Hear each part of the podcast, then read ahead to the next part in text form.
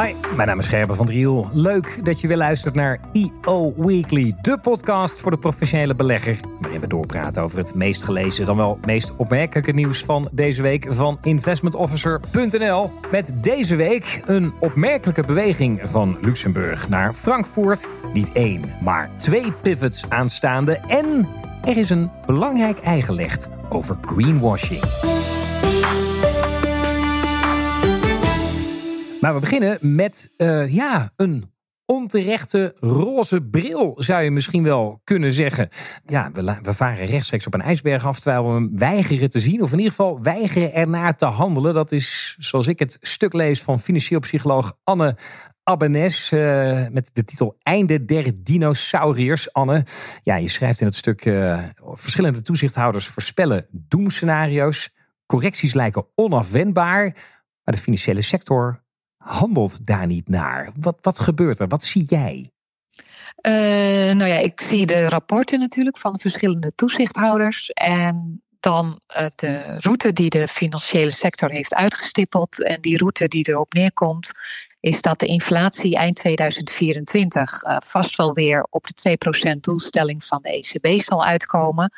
En dat daarmee alle gevolgen van de inflatie verdwijnen. En eigenlijk kort gezegd dat er geen verdere actie nodig is. Ja, dus eh, plat gezegd, oké, er is nu een probleem, maar het gaat zich vanzelf oplossen. Slaapt u rustig verder, het komt vanzelf goed. En dat, eh, terwijl jij vanuit jouw financiële psychologie standpunt zegt van, hé, hey, er gaat iets mis hier.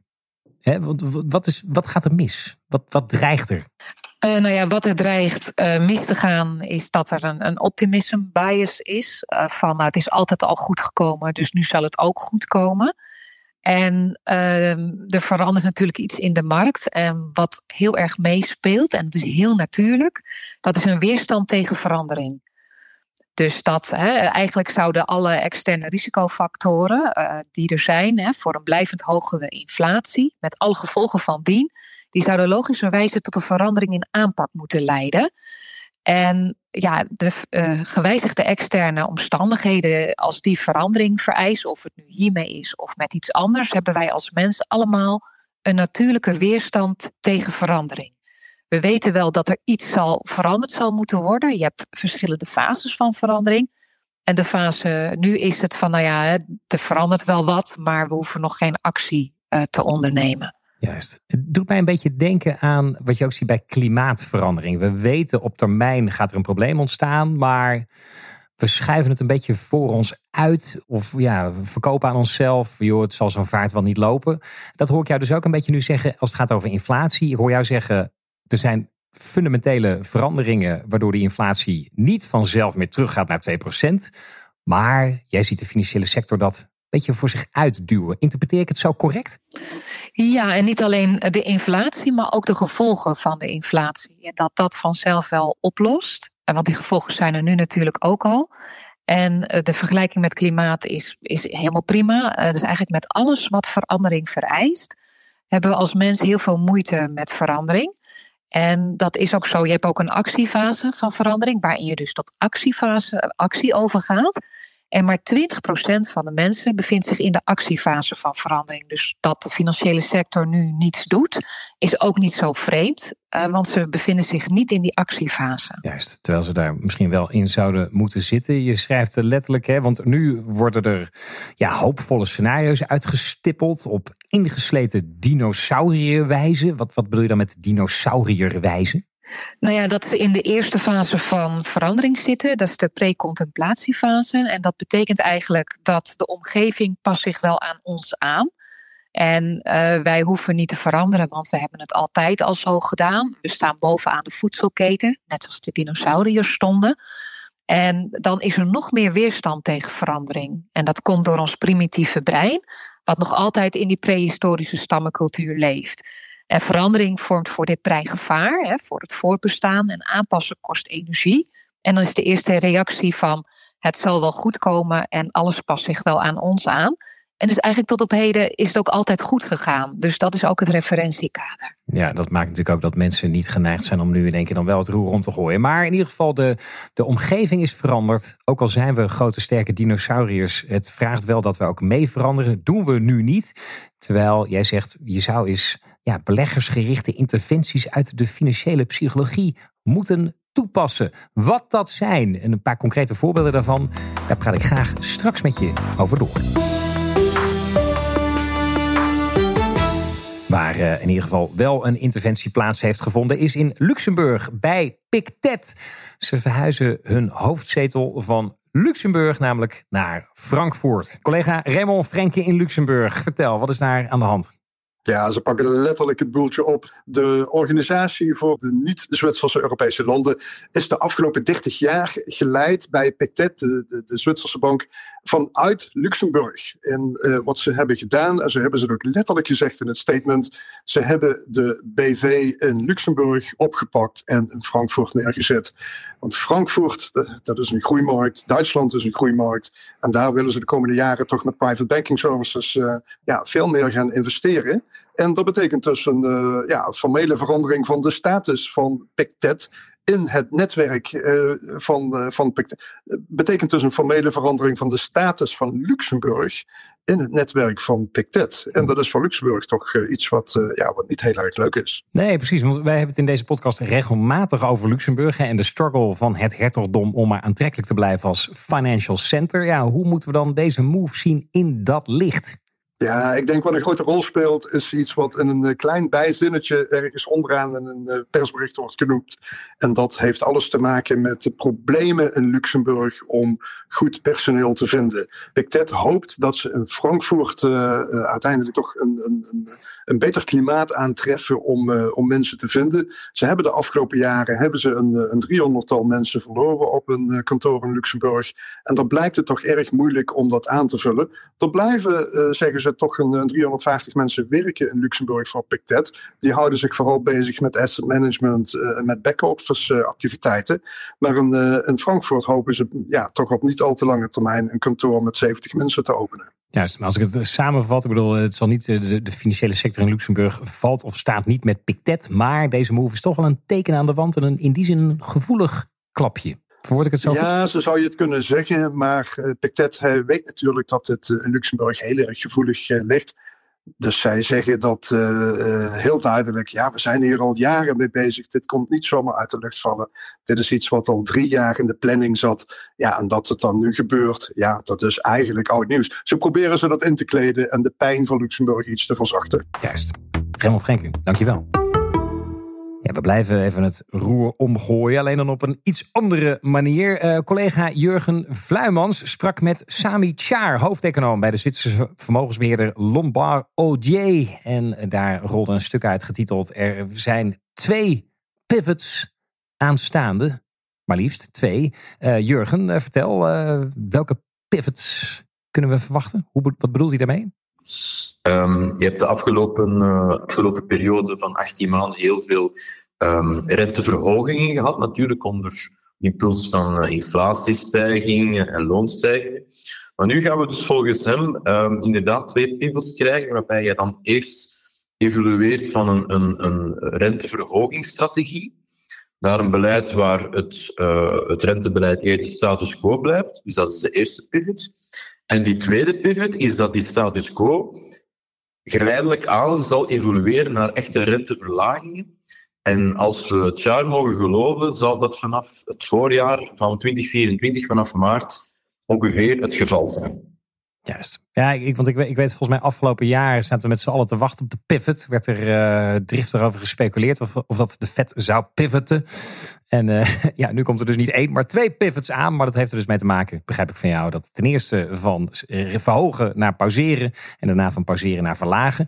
Hij zegt in het interview met jou van, ja, want we verwachten dat op termijn de zaak weer zal normaliseren. Nou sprak ik zojuist een financieel psycholoog die de financiële sector verwijt dat ze het te rooskleurig inzien. Dat ze verwachten, ja, het komt allemaal weer vanzelf goed. Eh, is Sami daar dus ook zo'n voorbeeld van? Uh, is dit een, een man die structureel de roze bril op heeft, uh, Jurgen?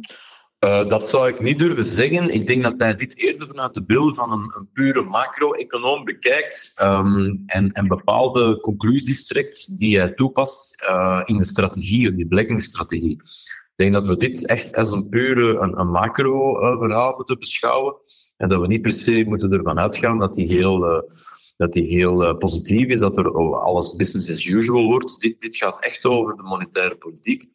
En uh, het spreekt over een, uh, een, normalisering van, van, van het uh, inflatiegegeven uh, de, afgelopen, de komende periode. Um, dus dat zal eerder een, normalisering zijn. Ook die, die schokken die we gezien hebben op de supply chains, die zouden moeten normaliseren, ook de rentevoeten. Um, die kunnen ook weer normaliseren als de inflatie van uh, in de Verenigde Staten richting, uh, richting 3% uh, terugvalt.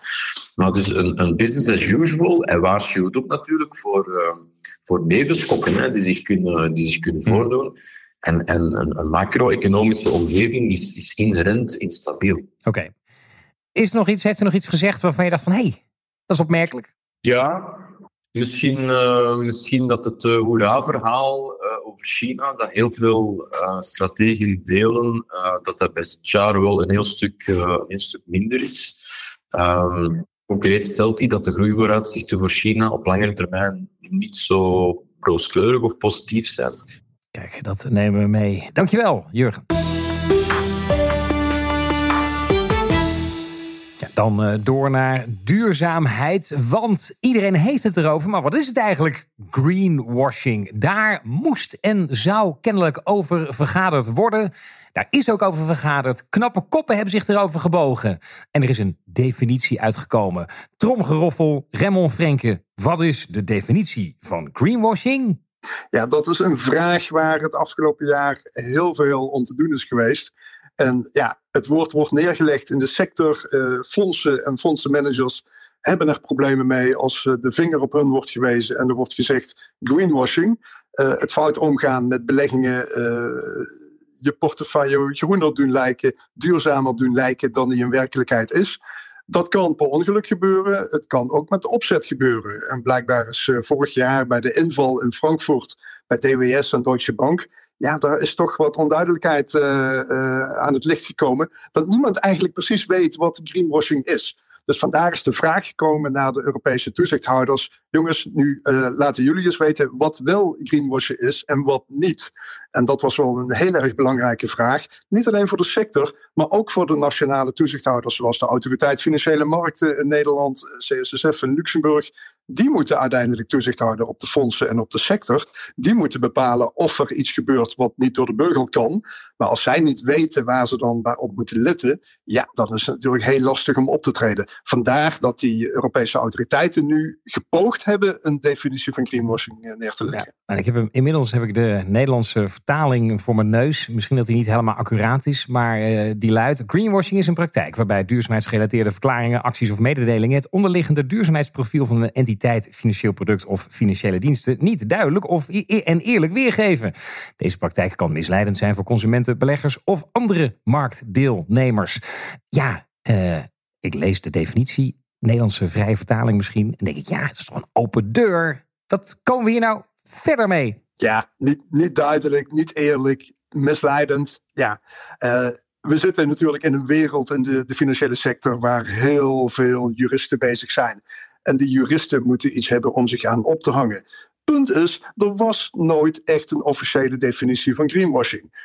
Uh, een reactie op die, uh, die raids uh, afgelopen voorjaar in, in Frankfurt is er een discussie losgebarsten. De Europese toezichthouders hebben daar, een, zoals dat er gaat, in Brussel een consultatie voor geopend. Jongens, zeg het maar, de hele sector mocht erop reageren. Dat konden ze tot november. En aan de hand daarvan hebben de toezichthouders voor de, de asset management, voor de banken en voor de verzekeraars allemaal samen gezegd: ja, dan gaan wij kijken hoe dat past in onze sector. Ze hebben samen bijna 300 pagina's geschreven over wat wel en niet greenwashing is. Maar de conclusie is duidelijk.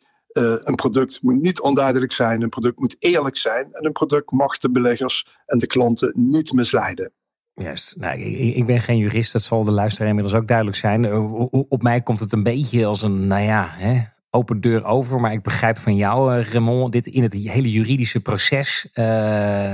Is dit wel een, is dit een belangrijke stap, deze definitie? Nou, het, het, het is een kleine stap. Uh, het is een, uh, ja, er komt nu eigenlijk een, een, een gezamenlijk uh, referentiekader voor greenwashing. En tegen die achtergrond kunnen de nationale toezichthouders, zoals AFM en CSSF in Luxemburg, wel concreet optreden als zij zien dat er problemen zijn met bepaalde financiële producten. En dat is ja. iets wat er dusver eigenlijk niet mogelijk was. Juist, want je, ja, en om dat te kunnen doen, moet je wel weten waar het over gaat. Dat moet eendelig zijn. En die, nou, dat ei is dan inmiddels nu gelegd. Ja, iets anders wat me nog opviel, uh, Remmel, in jouw stuk, is dat uh, het zinnetje tijdens een briefing voor journalisten maakte de autoriteiten duidelijk dat onbedoelde greenwashing in principe net zo erg is als opzettelijke greenwashing. Ja, dat vond ik wel intrigerend zinnetje eigenlijk. Wat bedoelen ze daarmee? Ja, vanuit de fondsensector zou je kunnen zeggen, ja, als het niet bedoeld was, dan is er geen kwaadwilligheid in het spel. Maar vanuit, redenerend vanuit toezichthouders, eh, de toezichthouder heeft het belang van de klant, het belang van de consument voor ogen. En die zeggen van ja, het maakt mij niks uit of het nu met opzet is gebeurd of per ongeluk. Uh, als het gebeurd is, greenwashing, dan is de klant de dupe. Dus daar staan wij voor. En dat betekent eigenlijk dat uh, de, de, de, fondsenmanagers eigenlijk heel erg voorzichtig moeten worden met hun producten. Want ook als zij niet opzettelijk uh, bezig zijn met greenwashing, het kan per ongeluk gebeuren, dan, uh, dan kunnen ze een juridisch probleem hebben en dat dan mogelijk sancties of uiteindelijk een, een, boete kan dreigen van de toezichthouders. Ja, maar ja, zo'n standpunt werkt natuurlijk inderdaad wel verkramping weer in de hand. We hadden afgelopen week in Nederland voorpagina nieuws dat witwastoezicht gaat versoepeld worden. Het gezond verstand gaat weer wat meer Want het was nu toch wel erg verkrampt. Nou, hebben we dat net gehad. En dan krijgen we nu op het gebied van greenwashing weer zo'n standpunt van ja, uh, ook al is het onbedoeld, uh, we gaan je toch keihard met de stok slaan. Ja, daar komt weer een. ik, ik, zie dan weer een tsunami aan regelgeving en spasme richting de sector komen. Dat is ook inderdaad het probleem voor de hele sector. de bedoeling was eigenlijk om met dit statement over greenwashing wat duidelijkheid te scheppen naar de sector. Maar aan de andere kant, van, ja, het, het, het blijft een heel gevoelig onderwerp waar, uh, ja, waar toch de verantwoordelijkheid uiteindelijk door de toezichthouders uh, wordt neergelegd bij de, degene die die financiële producten maken.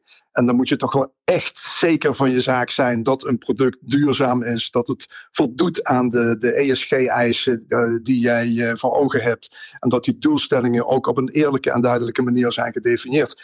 Als je daar ook maar enigszins over twijfelt ja, dan, dan wordt het toch wel heel lastig. Dus ze verzoeken de sector dan ook hier heel voorzichtig mee te zijn. En ook echt heel duidelijk te zeggen wat het is en wat een product niet is. Ja, ja kijk, want ik kan ook hardop nadenken. Als je zou zeggen als toezichthouder, joh, als het onbedoeld is, dan volgt er geen sanctie. Ja, dan weten we ook alweer natuurlijk uh, hoe de hazen gaan lopen. Dan zegt iedereen bij elke overtreding, ja, ik, ik was onbedoeld, ik wist het niet. Dus ja, je, je, het blijft een lastige. Precies, ja. En als het bedoeld is natuurlijk, dan krijg je bezoek van uh, de politie. Zoals het geval was bij DWS vorig jaar ja. in Frankfurt. Juist, juist, juist. Goed, we zijn weer bijgepraat over greenwashing. Dankjewel, Remmel. Eerder deze podcast spraken we met financieel psycholoog Anne Abbenes. In haar column op investmentofficer.nl. Einde der dinosauriërs schrijft ze over hoe toezichthouders waarschuwen voor ja, bijvoorbeeld correcties op de markten. Terwijl de financiële sector zich onkwetsbaar waant. Als ware het dinosauriërs. Die zeggen van nou, dat komt allemaal vanzelf wel weer goed. Um, terwijl zij ziet hoe de omgeving structureel veranderd is. En men wel zou moeten handelen daarnaar, zou moeten veranderen. Bijvoorbeeld door middel van beleggersgerichte interventies uit de financiële psychologie. Anne, wat zijn dat? En kun je een voorbeeld noemen? Ja, een voorbeeld die gerelateerd is aan deze column is uh, de risico-inventarisatie. Uh, er wordt heel veel gepraat over uh, doelen en over risicobereidheid. maar het gaat uiteindelijk om de risicoervaring. Hmm. En dat is heel belangrijk om die in te brengen in de risico-inventarisatielijst. Ja. Dat kan je bijvoorbeeld doen door de toekomst naar het heden te halen. Bij pensioenen gebeurt dat bijvoorbeeld door te werken met verouderingssoftware. En de tweede belangrijke hierbij is, is om te kijken wat zijn nou iemands onbewuste financiële overtuigingen. Want die zijn natuurlijk essentieel voor de risicoervaring en uiteindelijk dus ook weer voor de risicobereidheid en voor het financieel gedrag. Uh, vooral ook op het moment dat er iets misgaat. En het is dus belangrijk om dat uh, te duiden bij zowel de cliënten als bij jezelf. En dat kan heel eenvoudig met een verkorte versie bijvoorbeeld van 10 vragen kan je al iemands onbewuste overtuigingen, die ons financieel gedrag sturen, geldscripts noemen we die, mhm. kan je al duiden. En door dat mee te nemen, voorkom je heel veel ja, ellende, om het zomaar samen te vatten. Oké, want ik even terug naar het begin. Want als ik bijvoorbeeld wil gaan beleggen, dan wordt er inderdaad aan mij gevraagd, meneer Van Driel, uh, ja, hoeveel risico bent u bereid te nemen? Kan ik heel makkelijk vanuit mijn luistoel zeggen, nou, ik kan wel uh, de nodige risico's aan. Maar ik hoor jou dus zeggen, het feit dat jij rationeel zegt, ik, uh, dit is mijn risicobereidheid, wil niet zeggen dat als, ja, op zijn Engels, de shit daadwerkelijk de fan hits, uh, dat mijn risicobereidheid klopt. Want mijn risicoervaring kan misschien heel anders zijn. Is dat goed begrepen? Ja, en laat dat misschien maar weg. Het is eigenlijk altijd heel anders dan wat iemand zegt, omdat die vragen die uh, hebben helemaal niets van doen met, met de ervaring of met de werkelijkheid. Ja, en hoe breng je die ervaring dan dichterbij? Want dan wil je, het liefst wil je dan met, met ook je klanten, wil je ze die ervaring laten beleven, zodat je echt uh, een goede inschatting kunt maken van hoe men met risico omgaat. Hoe, hoe, hoe breng je dat dan dus dichterbij? Nou, door het beter te duiden, dus bijvoorbeeld in euro's in plaats van uh, in procenten. Uh, mm-hmm. door, uh, en door dus wat ik bijvoorbeeld zei hè, met pensioenen, om met verouderingssoftware te werken. En het meest essentiële is wel om de onbewuste overtuigingen te duiden. Dan weet je ook wat iemands overtuigingen zijn. Je weet wat die van jezelf zijn als instituut of als professionele belegger voor je cliënten. En die kunnen ook al eh, ja, de risicoervaring voorspellen, hoe iemand gaat reageren. En daar kan je gewoon rekening mee houden. Oké, en wat is dan bijvoorbeeld een voorbeeld van een onbewuste financiële overtuiging? Hoe kan dat werken in de praktijk? Uh, nou, je bijvoorbeeld als om, uh, je, hebt, je hebt vijf verschillende hoofdcategorieën. van financiële overtuigingen. Je hebt honderden financiële overtuigingen. Mm Eén hoofdcategorie is bijvoorbeeld geld is status.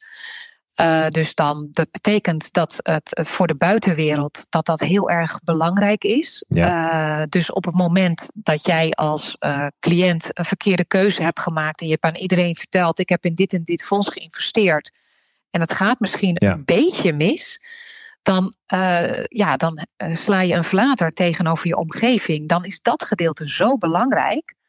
Dat is dan nog belangrijker dan, terwijl het verlies misschien marginaal is maar dan is dat heel erg belangrijk. En dan is dat ook een reden bijvoorbeeld waarom zo'n cliënt afscheid neemt van zijn vermogensbeheerder. Ja, dat zijn dingen die je heel goed moet, uh, moet realiseren. Ja, dit is slechts een klein voorbeeld, maar zo zijn er talloze voorbeelden waarom het heel belangrijk is om die geldscripts te duiden. Maar ook die van jezelf. Uh, want hoe jij zelf uh, risico ziet, hè, wat je eigen risicoperceptie, je eigen perceptie van de klant, mm -hmm. ja, dat stuurt ook uh, de wijze waarop de klant omgaat met die risico-inventarisatie. Dus je moet ook je eigen scripts duiden. Het doet mij ook een beetje denken aan een, een, een, casus die ik alleen uit de media ken. Maar dat is in ieder geval iemand met een hoge maatschappelijke status die verkeerd belegde. Mm -hmm. Verloor en uiteindelijk, uh, ja, volgens mij zichzelf ook van het leven beroofde. Omdat hij kennelijk de, het statusverlies of de schaamte niet kon dragen. Dus we, eh, misschien een heel extreem voorbeeld. Maar dit is misschien dan ook juist inderdaad wel een voorbeeld van iemand van wie je had gewild achteraf dat hij wat meer inzicht zou hebben in zijn eigen financiële onbewuste overtuigingen. En, en dat daar dus rekening mee gehouden zou zijn in het beleggingsbeleid wellicht. Want als je houdt van status, of dat is heel erg belangrijk voor je, ja, dan moet je misschien ook zorgen dat je niet zoveel risico's neemt dat je je vermogen misschien kan verliezen. Want dat kan je dan niet aan. Dat, dat is in een notendop uh, waar je het over hebt. Anne, begrijp ik. Nou ja, klopt. En die overtuigingen zijn ook onbewust. Ja. Uh, dus je weet vaak niet dat je ze hebt. Mm -hmm. En dat is hetzelfde als dan bij de vermogensbeheerder, die overtuigingen ook onbewust zijn.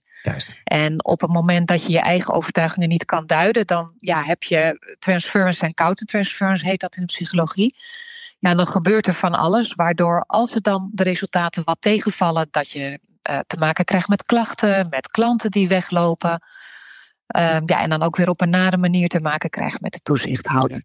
En om dan even weer terug te gaan naar uh, waar we begonnen deze podcast, namelijk met financiële toezichthouders die doom en gloom voorspellen, terwijl de financiële sector daarvan zegt, nou, maar komt allemaal vanzelf wel weer goed.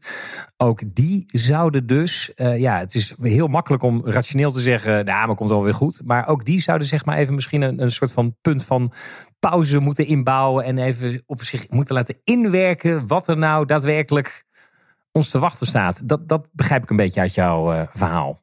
Is dat de aanmoediging? Uh, de aanmoediging voor de toezichthouders? Bedoel je dat? Nee, niet voor de toezichthouder, maar voor, voor de financiële sector. Als jij zegt van nou, de financiële sector is als dinosauriërs die, die maar doorwalsen terwijl de omgeving veranderd is. Uh, daarvan zou, ja, begrijp ik nu uit jouw verhaal, de aanmoediging zijn. Jongens, laat eens wat meer op je inwerken. Wat die toezichthouders nou voorspellen. Opdat je wel in actie komt. In plaats van dat je maar door marcheert. Ja, niet zozeer. Ik zou meer zeggen van kijk eens naar wat, wat financiële psychologie te bieden heeft. Uh, want het is ook natuurlijk degene die de boodschap geeft. En dat is de toezichthouder. Dus het, is ook, hè, het komt bij de toezichthouder uh, vandaan. Mm -hmm. Dus dat interpreteer je natuurlijk ook anders. Uh, dat ja. begrijp ik ook heel goed. Um, maar niet rechtstreeks ook naar de inhoud te kijken, maar gewoon om te kijken van wat gebeurt er nu om ons heen? Wat gebeurt er nu? En uh, hoe zouden we dus financiële psychologie kunnen integreren in ons beleid? Juist. Ik denk dat dat, dat zou ik wel als tip mee willen geven. Dan uh, is die tip bij deze overgedragen. Dankjewel, financieel psycholoog Anne Abbenes. Tot zover deze EO Weekly. Hou sowieso natuurlijk investmentofficer.nl in de gaten voor het laatste nieuws. En dan spreken wij elkaar volgende week weer.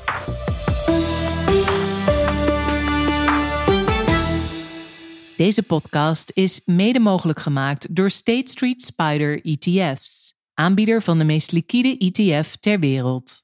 Let op, beleggen is onderhevig aan risico's en kosten. In het verleden behaalde resultaten bieden geen garantie voor de toekomst. Lees altijd de essentiële beleggersinformatie. Ga voor meer informatie naar ssga.com forward slash ETF's.